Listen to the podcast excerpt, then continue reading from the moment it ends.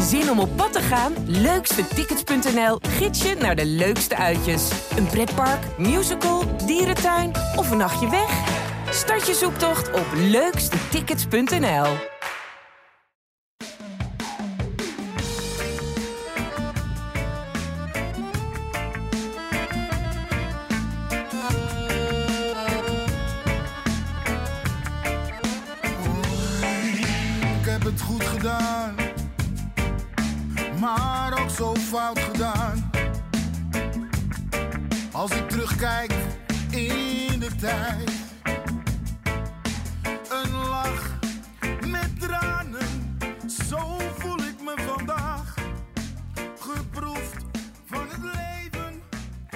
Eigenlijk zei Erik ten Hag deze week ergens... eigenlijk begint de competitie pas op 1 maart. Eh, dat is een opmerkelijke uitspraak. Dan telt hij dus eigenlijk die twee geweldige maanden, januari en februari, niet mee. Maar het goede nieuws is dan weer dat de maand maart voor Ajax wel heel goed begonnen is met een gelijkspel in Eindhoven. Plaatsing voor de bekerfinale. En deze zondag een overwinning op FC Groningen. Dat is een goede start van de competitie. Welkom bij Brani, de podcast van Ajax Showtime en het Parool. Eh, we gaan eh, praten over, eh, over Ajax Groningen om te beginnen, denk ik maar. Dat ga ik doen met twee gasten. Hier zit Sam Planting van het Parool en ook de Volkskrant trouwens. En aan de andere kant van mij zit Thijs Zwageman van Ajax Showtime. Welkom jongens. Yes, dankjewel. We gaan het hebben over Ajax Groningen, die wedstrijd. Een tussenwedstrijd werd wel gezegd. Omdat hij zo'n beetje in zat, geklemd tussen die twee topmaanden. Met allemaal hele gewichtige affiches. En die wedstrijden tegen Young Boys. Eh, dat is een beetje een linkwoord, hè Thijs? Tussenwedstrijd. Ja, zeker. En helemaal als je dan ook nog weet dat Groningen de tegenstander is. Wat ook nog eh, is een hele stugge ploeg eigenlijk is eh, dit seizoen. En ja, gewoon de nummer 6 van Nederland. Die eigenlijk met een hele realistische speelstijl het gewoon goed doen dit jaar. Dan is van een tussenwedstrijd ook Groningen niet bepaald een aantrekkelijke tegenstander. Maar eh, ja, Ajax eh, heeft het eh, denk ik uitstekend gedaan. Helpt natuurlijk altijd als je vroeg op voorsprong komt. Dat is een beetje een voetbalcliché. Maar ja, ik denk juist tegen Groningen met zo'n compacte verdediging. En als het dan lang 0-0 blijft en misschien zelfs bij rust 0-0 is. Ja, dan moet je tweede helft echt nog uit een ander vaatje gaan tappen. En dan kost het eigenlijk meer kracht. Eh, kracht die eigenlijk wil sparen richting eh, inderdaad die Europa League wedstrijd tegen Young Boys. Ja. Dus eh, ja, 3-0. eh, uiteindelijk mooi. met de VAR penalty van Tadic natuurlijk ook nog ja. erbij. Gewoon wedstrijd in het slot. En ja, zeker voor een tussenwedstrijd gewoon prima. Ja. Ik denk, eh, ja, mooi. Ik, ik ging kijken en ik dacht wel echt van... eh, Ik, eh, ik hoopte aan die eerste minuten meteen te zien... Ah, Ajax neemt, neemt dit serieus. Mhm. En dat was zo, hè, Sam? Ja. dat, vooral dat eerste half uur. Hoe goed was dat eigenlijk, vond je? Ja, nou ja, de openingsfase was natuurlijk Groningen op de vierde speeldag. Ik dacht de eerste Ja. zonder supporterspeeldag. Ja. Groningen had het toen midden van het veld gewoon eh, dichtgemetseld. Eh, was eigenlijk het, het punt waarop Ajax-fans en misschien ook wel Ten Hag eh, beseften van dat het middenveld met Alvarez en Promes, dat dat mm, tegen, zeker tegen tegenstanders die een beetje, nou, zoals Thijs zegt, gewoon realistisch spelen, ruimtes dicht kunnen houden, dat dat lastig zou worden. Eh, moet wel bij gezegd worden, want dat is natuurlijk bij Ajax-tegenstanders eh, wordt dat nog wel eens vergeten, omdat het onderlinge kwaliteitsverschil zo groot is in de Eredivisie. Groningen mist wel de drie beste spelers. Ehm, maar ja, Ajax was eh, scherp. Eh, met drie dagen na een bekerwedstrijd eh, ja, toch vier goede kansen creëren in de eerste tien minuten. Waarvan er eigenlijk maar eentje ingaat. Ja, dat was inderdaad wel zeker voor een, een ploeg als Groningen, die ja, toch reactief speelt.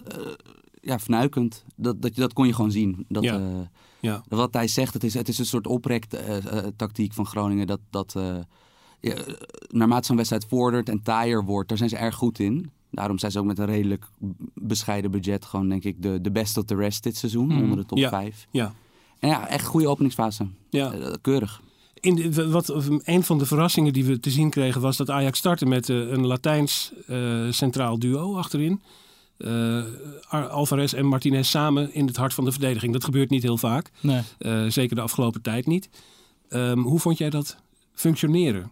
Eh, ik vond dat heel goed functioneren. En ja. was, het, was het oefenen voor Young Boys? Ja, ik dacht, ik wil net zeggen, daar komen we waarschijnlijk zo nog wel eventjes over te spreken. Maar ik denk dat inderdaad. eh, we zullen straks ook eh, natuurlijk die kracht van Young Boys nog gaan analyseren. Maar ik denk ook dat het te maken had met het feit dat Ten Hag het eigenlijk niet kan maken om Alvarez er nu naast te zetten. Dus eh, ja, wat Sam net aangeeft, waar het vorige keer misging, is door gebrek aan creativiteit op het middenveld. Dus daar wil je nu eigenlijk Kudus en Gravenberg brengen. En met name ook dat betaalde zich in dat eerste half uur heel erg uit. Met vooral de dynamiek van Kudus, die eigenlijk overal op het veld was. En uh, onder druk uh, draaide, gelijk inspelen, doorbewegen. En daardoor kwam je eigenlijk door die compacte verdediging heen. Met name door hem. Um, maar ja, door Kudus op te stellen, dan kan je, ja, je zou Alvarez misschien rust kunnen geven. Uh, en dat zou ook meer in de lijn uh, ten Hag liggen om bijvoorbeeld gewoon met Schuurs uh, centraal, rechter centrale en dan Timmer rechtsback, omdat je Masroei natuurlijk ook mist. En ik denk dus dat het een combinatie is van Alvarez ja, nog steeds willen belonen voor zijn goede spel van de laatste weken en ja, binnen de lijnen te willen hebben.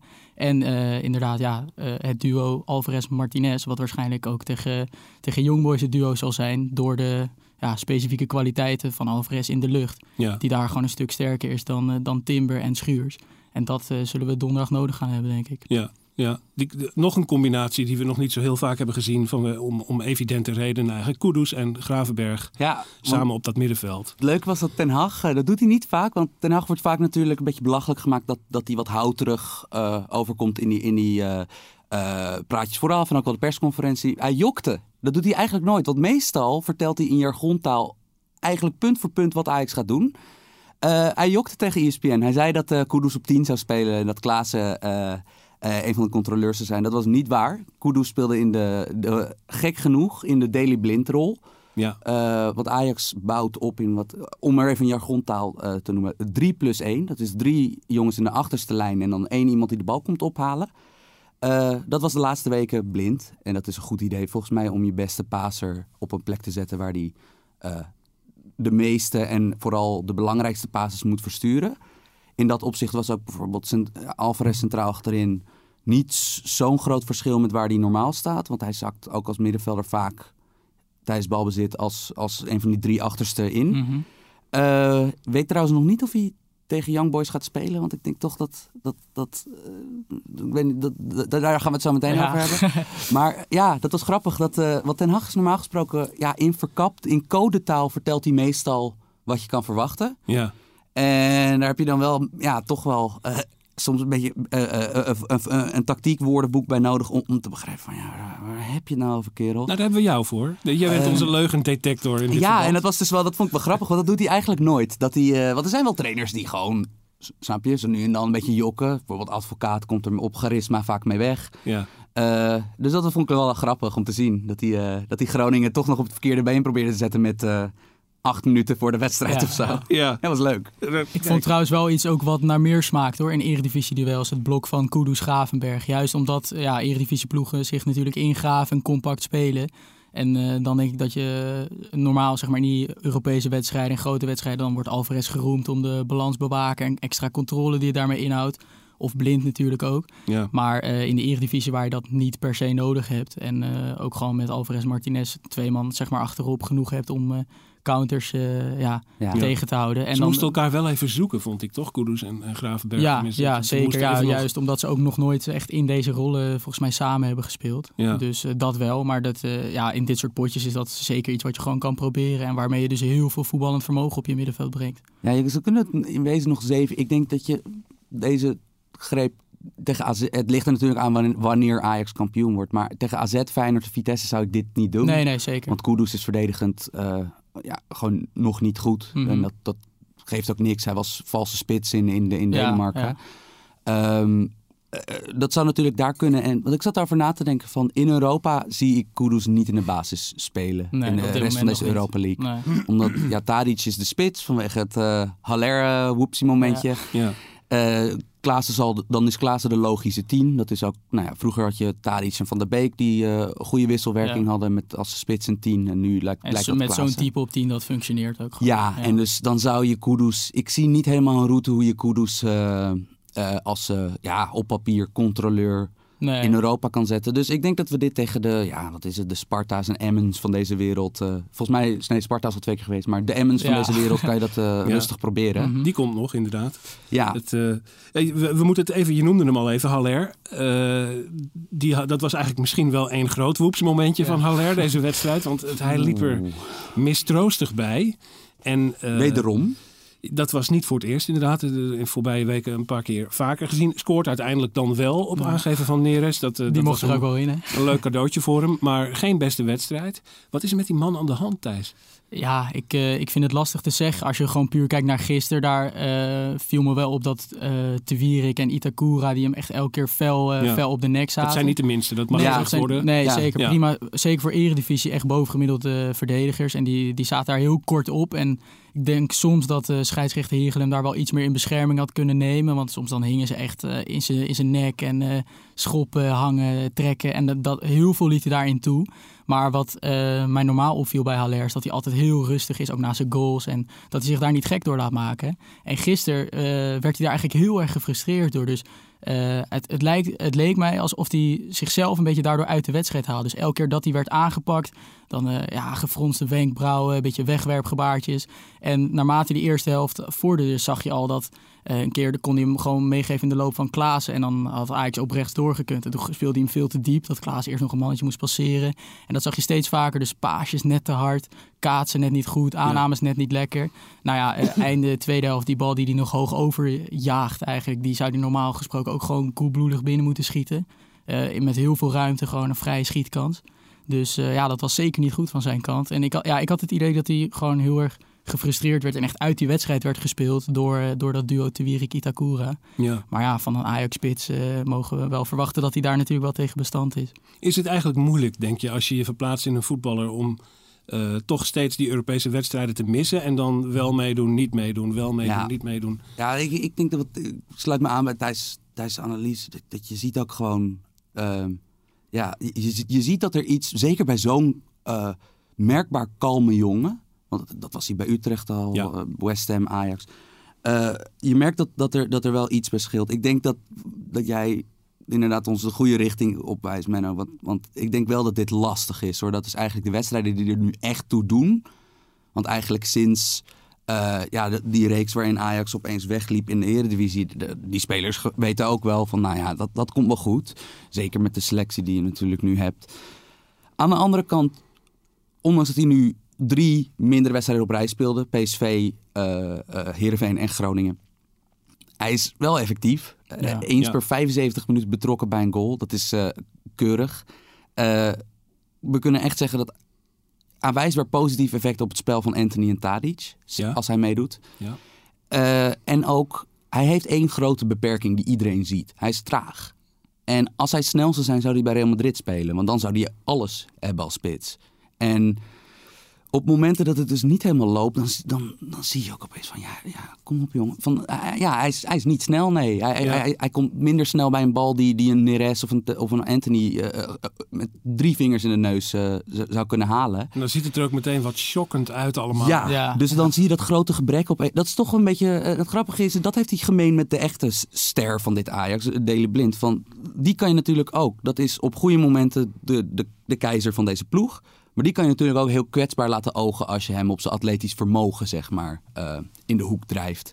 En bij Haller is het dan weer, nou ja, iets anders, snelheid. Maar ik ben wel met jullie eens dat er is duidelijk wel er is een merkbaar verschil tussen de afgelopen weken en daarvoor. Dat Ja. eh, qua kalmte, qua Mhm. ja, toch detailmomenten dat je denkt Ja. van... "Oh, En rustig je joh." ziet natuurlijk ook vaak bij eh, ploegen met zo'n Europese campagne is dat je dan in een soort flow groeit en dat je eigenlijk van wedstrijd naar wedstrijd en dat dat eigenlijk ook in dat eh, succesvolle Champions League seizoen dan die eredivisiepotjes werden snel beslist en met dezelfde jongens eigenlijk. Dat is ook wat Ten Hag vaak heeft aangegeven van als het goed gaat lijkt het alsof iedereen fit blijft, het kost minder kracht. En als je elke keer, eh, ja, zo die, dat tweeluik met Lille, dat is natuurlijk voor de jongens die daarin hebben gespeeld, geeft dat heel veel vertrouwen. En dan- dan ga je ook lekker naar eredivisiepotjes, halffinale beker. Ja. En als jij, ja, wat je net al aangeeft, als je dan elke keer op de tribune zit en dat elke keer, ja, dat, dat moet toezien. Die ja, dat- gasten die dat meegemaakt hebben, die delen iets Ja, samen wat waar jij hij geen deelgenoot ja, van is. ja, Dat voel je volgens mij toch. ik denk dat dat zeker meespeelt, ja. Ja. Ja. ja. Ja, want bijvoorbeeld, het gaat nu echt voor de wind, hè, sinds, sinds, sinds eind december. En eh, het moment tot nu toe is natuurlijk die slotfase in Frankrijk. Ja. Want dat is waarom je ook, ja, dat is waarvoor je het doet volgens mij. Van, van op dat soort momenten beslissend zijn en dan op het, ja, dat is natuurlijk echt lastig voor, voor Ja. eh Haller speelt ook nog eens mee dat hij in een hoe grappig dat ook is, voor een beperkte speler die hij was. Hij, er was ooit een window dat hij gewoon spits, of misschien reservespits, bij een absurd goed Frans elftal had kunnen zijn. Is over het hoofd gezien. Zou natuurlijk in Frankrijk. Ik denk dat er geen wedstrijd in de Europa League was waar hij liever eh, had laten zien wat hij allemaal kan dan, dan, dan die wedstrijd. Ja, Eh, ik, ik denk dat daar wel iets meespeelt qua frustratie. pijn. Ja, Ja, ja. Neres moeten we misschien nog even eruit eh, lichten. Ja, Die, ja. eh, die startte in plaats van Anthony. Eh, en deed het... eh, Ja, goed. King of the match, hè, zag ik eh, Ja. op, de, op de kanalen van Ajax. En eh, nee, ja, heel goed. Er ging veel dreiging vanaf. Je zag eigenlijk echt weer de oude Neres. eh, eh, actief aan de bal met zijn acties. Vaak twee, drie man echt versnellen. Wat ik al een tijdje niet meer van hem had gezien. Eh, dus in zijn dribbles vond ik hem goed. En daarnaast ook eh, in zijn overzicht en zijn passing. Vanaf de zijkant gaf hij hem ook twee keer. eh, dat hij echt wachtte en dan op het juiste moment de lopende Tadic eh, bijvoorbeeld bediende. Ook een keer met Klaassen. Dus eh, ja, heel goed. Dus Ja. dat, eh, dat eh, geeft zeker hoop. eerste Ja. echt goede Neres-wedstrijd sinds Liverpool thuis. Dat is echt. Dat ja, is zo lang geleden. Ja, ik geloof je ja. hoor. Dat- ja, dat- daar tussendoor ja. heeft hij bij Vlagen soms wel dingen laten zien. En als invaller de ene keer wel, de andere keer niet. Ja. Maar dit was echt Want was overtuigend. natuurlijk, ja. het is wel schrikkig. Van dit was op papier zou dit toch naast Tadic de meest beslissende speler in de selectie Mhm. moeten zijn. Als je aan het Ja. begin van het seizoen had gekeken. Van, en, en, en dat is natuurlijk wel ja, zoveelste blessure. En, en ik vond hem echt een paar keer. ik- een paar van die invalbeurten zaten ertussen. Dat Nee, ik dacht, van, ja, komt dit nog goed? Ja, Maar ja. ik vond dit bemoedigend. Wat, ook, wat jij vertelde over Itkura eh te Wierik met Haller. Eh, Die van Hintem, dat is bijvoorbeeld, ja, dat is natuurlijk geen eh, showpony. Van daar, daar koopt niemand seizoenkaart voor. Maar dat is een goede linksback. Ja, dat is een ja. van de beter verdedigende backs in Nederland. Ja. Dat hij dus een goede wedstrijd tegen zo'n, tegenover zo'n jongen heeft, dat is wel bemoedigend. Mhm. Ja, Eh, want ja, het is, hij is natuurlijk op een rare manier, hij is de vervanger van Haller in Europa. Dus het is voor Ajax kans om dat toernooi te winnen of, of ver te komen. Is het natuurlijk wel zijn terugkeer is eh, een van de belangrijkste verhaallijnen in dit seizoen. eh, die, no- die nog uitstaan, zeg maar. ja, zeker. Ook met wat je aangeeft dat hij gewoon na Tadic of met Tadic gewoon op voorhand de belangrijkste aanvaller zou zijn. Ja, Dus eh, ja, absoluut positief nieuws. ja. En om dat, die, die even door te trekken naar heel Ajax. Ik denk heel positief dat je op een moment waarop iedereen toch eigenlijk een beetje een soort uitglijder alert voelt. Eh, er zijn jaren geweest waarin dat ook eh, eh, vrijwel zeker gebeurd zou zijn op zo'n moment. En nu staat Ajax er gewoon. Ja. Zodat eigenlijk een winterdip en een, een decembercrisis, een januari-crisis of een begin van de voorjaarcrisis. Het is allemaal volledig uitgebleven eigenlijk.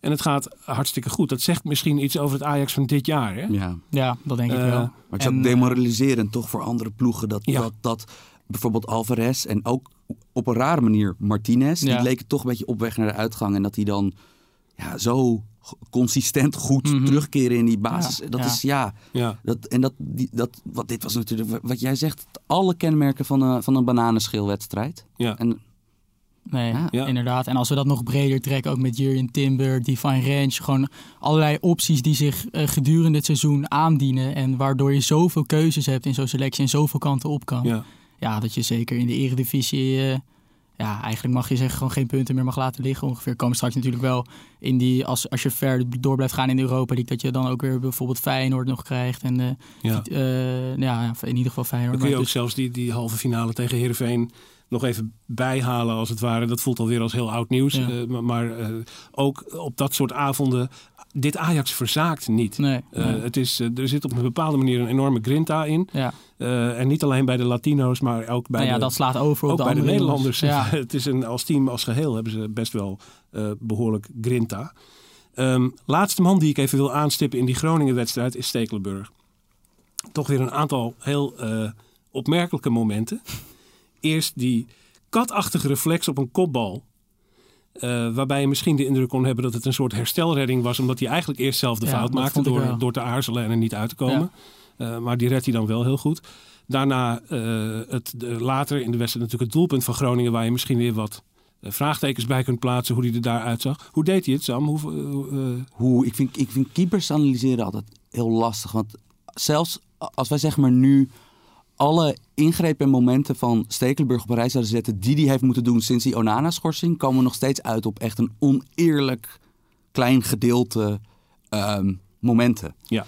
En waar, waaronder natuurlijk, hij zag er één keer echt niet goed uit. Eh, eh, en, en, en hoe zwaar laat je dat dan weer meewegen? Eh, hij heeft ook een paar keer echt helemaal niks te doen gehad. Ja. Ik vind het opmerkelijk dat hij... ehm, eh, eh, eh, ja, hoe noem je Geen Neo-International, want hij heeft enorm veel interlands. Ja, maar dat hij, ja, weer- dat hij wederom international wordt, vind Ja. ik, vind- daar, daar vind ik dingen van. Ehm, eh, ja, ik vind dat lastig te zeggen, maar ik vond in elk geval... Was dit de beste redding die hij sinds, sinds zijn terugkeer heeft gemaakt in de eerste helft? Die op die kopbal bedoel je? Ja. Ja, dat, eh, qua als reflex zeker. Ja. En dan had hij later ook nog het erover rechts. Ik weet niet meer welke Groninger het was. Die kwam min of meer alleen op hem af. Daar kwam hij er ook heel goed Ja, uit. en ik vind hem daar nog was- steeds wel echt sterk hoor, in die 1 op 1. Ja. Daar heeft hij ook tegen PSV tweede helft eh, wat momentjes. En daar heeft hij de laatste weken wel meer reddingen in. Ja. Maar wat je net ook al aangeeft bij zeg maar, die katachtige redding. Ja, die kopbal die wordt gedaan op anderhalve meter van de doellijn. Ik denk Ja. als je Stekelenburg, je bent volgens mij twee meter. Als je één stapje vooruit doet, dan vang je die Vang je die voorzet. Ja. ja. Dus, en dat is wel heel raar voor iemand met zijn lengte en zijn uitstraling. Dat hij bij die hoge voorzetten, dat blijft gewoon een dingetje bij hem. Die Zo hoge ballen. aarzelt. Ja. Eh, en, en, en eigenlijk de beweging naar voren maakt en teruggaat. Ja, nou, dat, was bij, soort- dat was bij die tegengoal bijvoorbeeld. Ja. Ook toen Ja. de vrijtrap vanaf de zijkant. Daarvan kan je niet verwachten dat je tot 11 meter uitstormt en die bal vangt. Maar wat hij nu deed was een paar meter van zijn lijn. Oh nee, ik kom er niet bij, ik ga terug. Ja, toen kwam die kopbal ook maar net buiten zijn bereik. Maar ik denk als hij daar wel twee meter bijvoorbeeld voor zijn doel staat, zijn doel iets verkleint, dat hij die, eh, die 3-1 ook nog had kunnen voorkomen. Ja. Dus ik vind hem daar in- inderdaad nog bij aar- eh, wel echt bij aarzelen. En eh, ja, in de 1 op 1 vind ik hem wel goed. Maar om even dat bruggetje te maken met die voorselectie van het Nederlands elftal. Ja, als je kijkt naar het keepersaanbod dat er is. En eh, dan denk je dat je sowieso met Sillis en Krul, die zijn wel verzekerd van een plek in de selectie. Ja. En dan vraag ik me af of je richting het EK hem als derde man daarachter moet hebben. Dan denk ik dat het leuker is Het is ook, En ook de vraag of dat leerzamer. gebeurt natuurlijk. ja, nee, maar is als dat een optie zou zijn. Maar dan kan je eerder een type als Drommel, Bijlo, wellicht Bizot... eh, die ervaring geven, ook richting de toekomst. Helemaal Drommel en Bijlo die nog iets jonger zijn. Ja. Als derde keeper, dan denk ik niet dat het eh, ja, noodzakelijk is om Stekelenburg daar op te nemen. Want ja, van Sillis en Krul gaat hij het sowieso niet winnen, lijkt mij. Even heel gauw die oranje selecties. Vier Ajaxiden zitten erin. Stekelenburg, Blind, Gravenberg en Klaassen. Zitten ook tien ex-Ajaxiden in. En als we dan naar Jong Oranje kijken... dan hebben we Brobby, Rens, Scherpen, Schuurs, Timber, Ekkelenkamp... en nog de huurlingen Lang en Piri.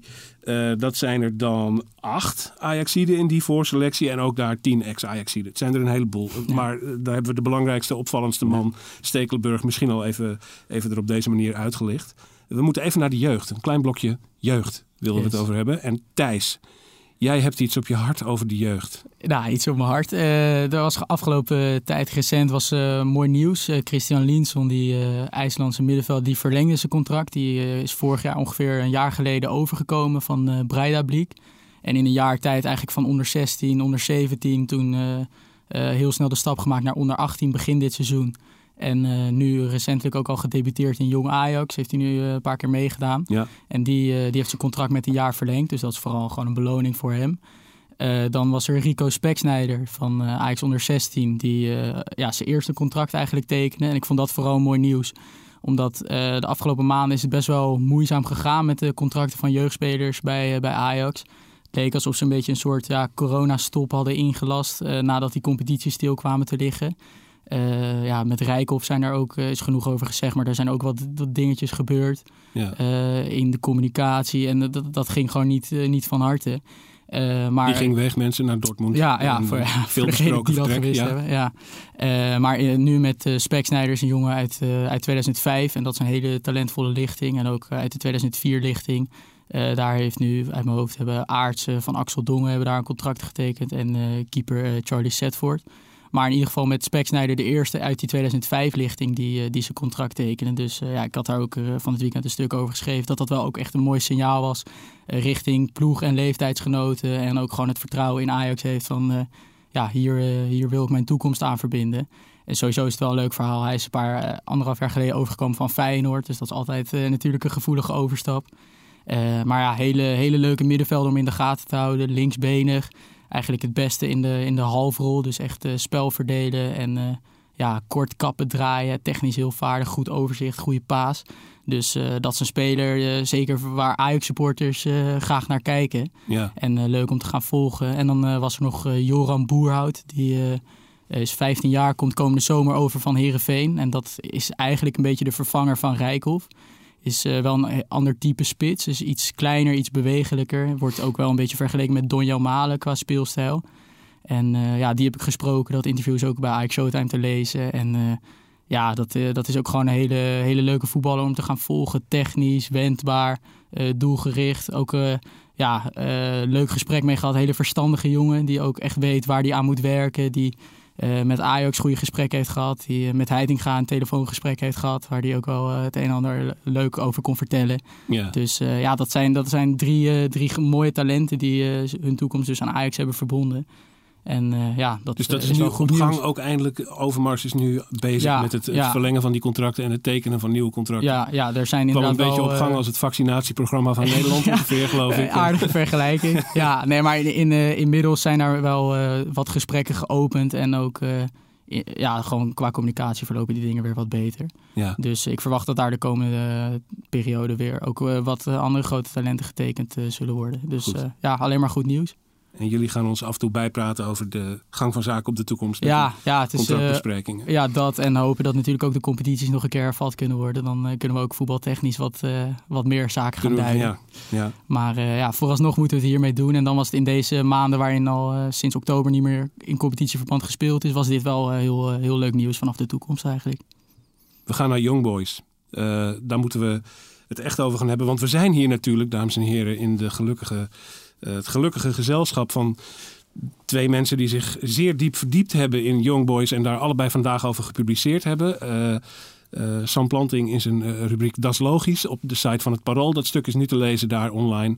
Eh, en eh, eh, Thijs Zwageman op de Ajax Showtime site. Een grote analyse over Young Boys. Eh, dus jullie weten precies wat die ploeg gaat doen. En ook hopelijk wat Ajax moet gaan doen om eh, die ploeg te neutraliseren. Ik begin bij jou, Sam, want je kwam hier vorige week even in de podcast voorbij. Omdat je tegen Josien Wolthuizen al had geroepen dat het ongeveer je minst favoriete tegenstander voor Ajax was. En echt de ploeg waarvan je hoopte dat Ajax er niet tegen zou loten. Ja, op een eh, heel. Vorig jaar had ik dat met Getafe. Op- Ja. eh, Want kijk, ik heb heel lang eh, bij, bij Voetbal International, waar ik niet meer werk, heb ik heel lang. Eh eh, bizarre hoeveelheid van die analyses gemaakt. En dat je dus ook, nou ja, dat je na een tijdje ook wel. eh, dat je een beetje de puzzelstukjes met elkaar kan vergelijken. Van nou, deze speelstijl heeft, heeft in een regel last met deze speelstijl. En wat je altijd bij Nederlandse ploegen ziet, is dat, dat ploegen die ehm, een heel duidelijk plan buiten balbezit hebben. Dus of dat nou zoals op eigen helft verdedigen en vervelend doen is als Getafe. Of enorm hoog druk zetten als een, eh, ja, een Liverpool, maar ook een Young Boys. Ja, Eh, eh, dat is meestal toch, dat is lastig. Omdat natuurlijk, even aller voorop, er speelt geen speler in het eerste van Young Boys die in de basis staan bij dit Ajax. Dat, dat, dat is duidelijk. Van er is ook niet een, een, een, een verdacht goede keeper of een onontdekte rechtsback. Dat is, dat is echt heus niet het geval. Ehm, maar het is wel gewoon een, een ja, in, eh, het is dan een Zwitserse ploeg, maar het is een extreem Duitse ploeg. Van het, is een, eh, eh, het gaat vooral om wat deze ploeg doet zonder bal. Of dat nou druk zetten is, tegenstander vastzetten in, op ongunstige plek van het veld. Ook samen uit, samen thuis. Dus ook wanneer ze op eigen helft het vuile werk moeten doen. In dat soort delen van het spel zijn ze echt gewoon goed. Ja. Ehm, terwijl van de 16 overgebleven ploegen in dit toernooi, ja, qua puur spelerstalent is het een van de mindere ploegen. Maar dat wil niet zeggen dat het een daardoor makkelijk tegenstander is. Want dat is, dat, zo werkt Europees voetbal over het algemeen niet. nee. Ehm, eh, wat ik opvallend vind is dat eh, Young Boys een paar jaar geleden eh, nou, zijn ze op mijn radar gekomen toen ze echt opeens die rare die, die Basel-hegemonie doorbraken en ook heel plots en heel grondig. En Volgens mij heel, he- heel heftig. ja, met Ja, het eerste seizoen was groot 25 of verschil in 30 punten verschil. Ja. ja. En daar zaten ook wel serieuze jongens bij hoor. Van, van jongens die nu tot de betere spelers in de Duitse Bundesliga behoren. Eh keep van PSV, eh, Mvogo heeft daar ook zijn doorbraak beleefd eh, in die periode. Eh, maar wat je nu ziet is dat dus ja, de, de wat, de wat sprankelender individuele talenten zijn wel weggeplukt. Eh, ook bijvoorbeeld de ploeg die vorig jaar tegen Feyenoord speelde, de gevaarlijkste man toen ter tijd, die speelt nu in Frankrijk bij Dijon, Assalé. Eh, maar nog steeds gewoon ja, dezelfde soort ploeg. Gewoon een, een, een heel goed georganiseerde drukzetploeg. Ja. En die dus tegen ja, Peter Bos, eh, aardige drukzettrainer zelf. En met een aardige ploeg in Leverkusen. Waar dan weliswaar niet super bij liep de laatste tijd. Maar ja, twee keer winnen van de derde, vierde of vijfde club van Duitsland in de Europa League. Dat is natuurlijk wel een teken dat dit geen, ja, dit is, dit is geen idiote ploeg. Geen het- koekenbakkers. Nee. Nee. Nee. Jij, jij hebt het, we hadden het net al over. Alvarez gaat waarschijnlijk spelen bij Ajax eh, Mhm. achterin.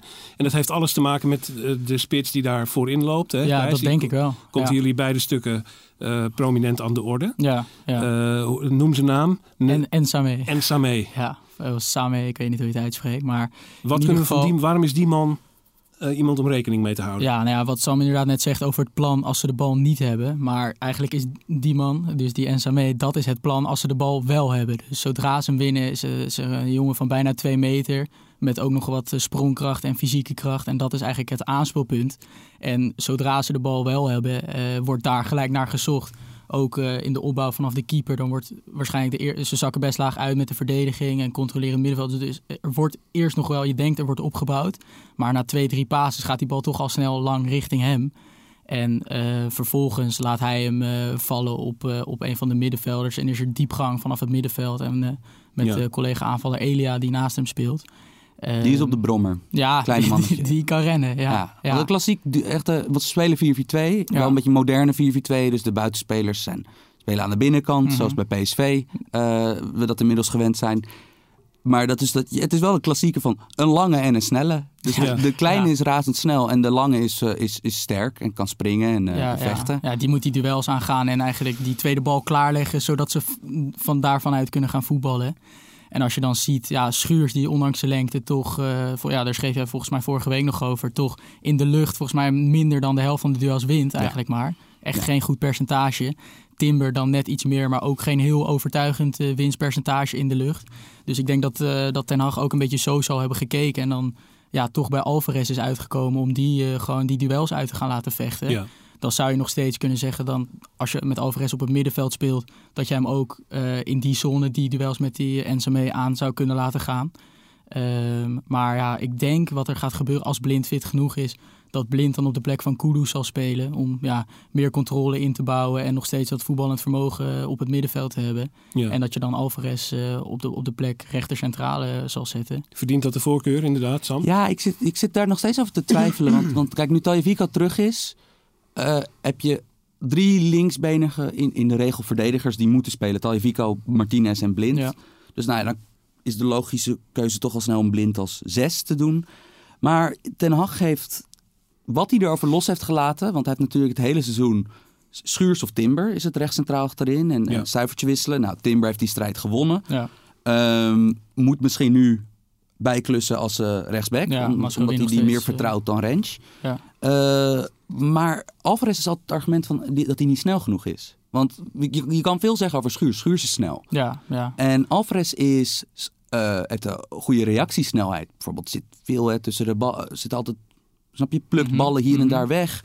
Eh, eh, kleunt hij duels in. Maar hij is qua, zeg maar ja, achter een eh, snelle spits aanrennen is niet per se zijn eh, eh, eh, allerbeste punt. Dat had hij bijvoorbeeld ook in Mexico. Voordat hij naar Ajax ging, had hij daar, toen hij fulltime centrale verdediger was, had hij daar ook wel la- la- last mee soms. Eh, dus ik vind dat grappig om te zien, want het zou natuurlijk wel. Het, het zou natuurlijk Ajax nog veelzijdiger maken als Alvarez nu in de ogen van Ten Hag eh, ook nog steeds een serieuze centrumverdediger is. ja.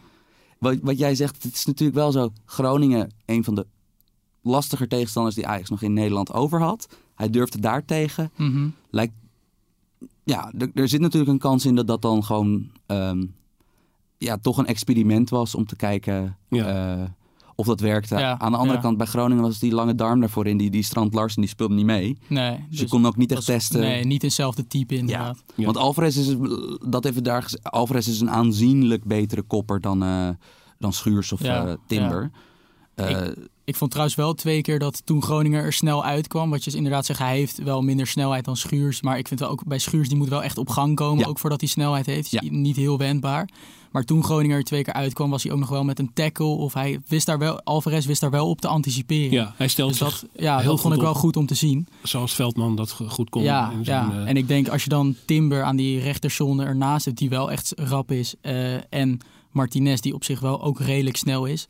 Dat je dat misschien in die combinatie wel zou kunnen oplossen. Ja. Maar ja, wat, eh, wat Sam aangeeft, en dat zei Alvarez ook zelf laatst in een eh, interview, dat hij eh, eigenlijk, toen werd hij ook gevraagd van ben je nou gehaald als controlerende middenvelder of verdediger? En toen zei hij ja, eh, ik kan er allebei spelen, maar bij Ajax is het lastig om verdediger te zijn door alle grote ruimtes die in je rug liggen. Ja. En eh, dat gaf hij zelf al, dat gaf hij echt gelijk aan. Dus Ja. dat geeft ook wel aan dat hij zich daar nog steeds niet heel prettig bij voelt. Ja. Dus het, het blijft een gokje, maar ik denk met het oog op die kopkracht en die fysieke kracht, dat ja, het, het wel het gokje waard is om Alvarez daar tegenover te zetten. We zitten heel, heel behoudend te doen overigens. Want we hebben het alleen maar over hoe Ajax verdedigend om moet Ja. gaan. Ja. Met de aanvallende kracht Moet ook niet overdrijven. Young Boys. Het moet Ja. niet gekker worden. Nee, zo zo, nee. eh, zo zijn we niet getrouwd. Dus we gaan het over de andere kant van het veld hebben.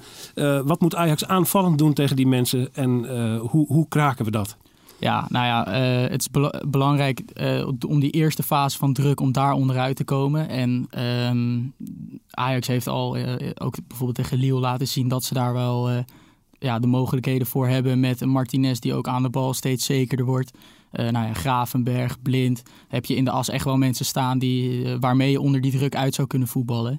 Ehm, en, maar dat, dat zal heel belangrijk worden. Want als je daar ja, onzuiver wordt in de passing of niet genoeg eh, beweging hebt om vrije mensen tussen de linies te krijgen, ga je er niet onderuit komen. En dan, dan kan dat echt natuurlijk gelijk tegengoals op Dus gaan het begint leveren. op het die, middenveld. heel ja, ja, en echt laag op het veld gaat het beginnen, want daar wordt de eerste druk gezet. ja. Eh, maar wat het wel is, als je door die druk heen bent, dan zakt eh Young Boys eigenlijk helemaal in. En dan spelen ze met eh, ja, die vier eh, achterin en die vier middenvelders echt op lijn en compact. Dus eh, ja, dan heb je wel veel meer ruimte om te, in ieder geval eh, tijd en aan de bal. Eh, qua ruimte niet meer, omdat ze juist ja, de as gesloten houden. En dan ja, zal er dus snel gehandeld moeten worden, eh, dynamiek. Ja, dan kan bijvoorbeeld een type als Tadic in de spits... eh, zou dan weer juist mooi kunnen uitpakken tussen Ja, de linies. Is dat, vind jij dat ook, Sam? Dat is weer onbetwist Ja, de, de, voor, de variant die we moeten kiezen met Tadic centraal? Ja, dat sowieso. Want ook ge- gezien de, de- ze hebben drie centrale verdedigers voor twee plekken. En ik denk niet dat ze er, dat ze er eentje bij doen voor tegen Ajax. Ze hebben dat twee keer geprobeerd dit seizoen, Young Boys, in Europese wedstrijden, om met een extra centrale verdediger te spelen. Dat, dat, dat experiment faalde toen twee keer. Dus ik denk, eh, wie de, het koppel ook zal zijn bij die Zwitsers, dat, dat, is niet bulk niet over van bewegelijkheid. Dus dan een, een spits die uit de, uit de spits kan komen, is dan altijd wel een goed idee. Ik denk sowieso wat Thijs zegt, is dat het merendeel van, van hoe deze twee wedstrijden zich zullen ontvouwen, is toch een beetje van, nou, komen Blind en Gravenberg en Co, en Co eruit tegen die druk. Eh, daarnaast denk ik altijd dat tegen ploegen die hoog druk zetten, is meestal hetzelfde medicijn eh, opgewassen. Dus als jij zelf, en nou ja, Ajax is een uitstekende ploeg met druk zetten, dat zijn ze al vanaf het eerste seizoen onder Den Haag. Van dat is misschien wel in mijn ogen hun beste kwaliteit als team. Eh, ik denk dat daar vooral de kans liggen. Dat, dat eh, wanneer Young Boys onder druk wordt gezet, moet ik het nog wel zien hoor met die voetballers. Ik vind dat ze één, ik vind dat ze één echt technisch goede voetballer, echt, echt goede voetballer hebben. Dat is nummer 20 op het middenveld. Ebischer is ook hun, eh, hun absolute specialist bij corners en vrije trappen. Ehm, maar voor de rest, er zitten best wel wat voetballers bij waarvan ik denk, nou, die wil ik wel eens een keer op Youngboys-achtige wijze onder druk eh, gezet zien worden. En dan ben ik benieuwd wat er nog van overblijft. Want dan moeten wij dat nog zien. Precies. Maar Dus, ga- dus, dus Wat, wat- maar wat denk je? Tadic eh, centraal en dan eh, op, op die flanken? Wat gaat Neres? ik en, denk dat voorhoede wel de- gewoon Tadic in de punt en dan Anthony eh, en Neres op de flanken. Het is altijd een beetje vraag wie rechts, wie link- links staat. Ik denk Ja. Anthony rechts, Klaas is sowieso op 10. Dat, ik denk dat dat een idee is. Wat ik Young Boys nog uit de hoge hoek zie halen is dat zij hebben één eh, eh, buitenspeler, Christian Vastnacht. Ik weet niet of het een aanvoerder is. Hij speelt er wel al een poos. Dat is een beetje een Brian Linse-achtig type. Dat is dus een, buitenspeler die opvallend goed kan koppen. Dat is normaal rechtsbuiten. Ik denk dat die links gaat staan. eh, om tegenover Timber of Ranch eh, uit te vechten. Ik ben benieuwd hoe, wat je, hoe je daar nog gebruik van kan maken. Want dat is op zich... ik zou aan de kant waar die jongen staat... eh, eh, minder... Zeg maar, ik zou de andere, ik zou de andere flank eh, vooral uitkiezen. Ajax Young Boys. Donderdag om vijf voor zeven, laten we zeggen zeven uur. Ja. De eerste wedstrijd in Amsterdam. We weten wat Young Boys gaat doen. We weten wat Ajax daar tegenover moet stellen. En we gaan het er volgende week over hebben. Ik dank jullie eh, voor je komst naar de studio. Thijs Zwageman van Yes, Ajax. Showtime, dank voor je komst. Sam Planting, eh dankjewel voor je komst. We zien elkaar gauw terug. Tot de volgende Brani. Tot de volgende keer.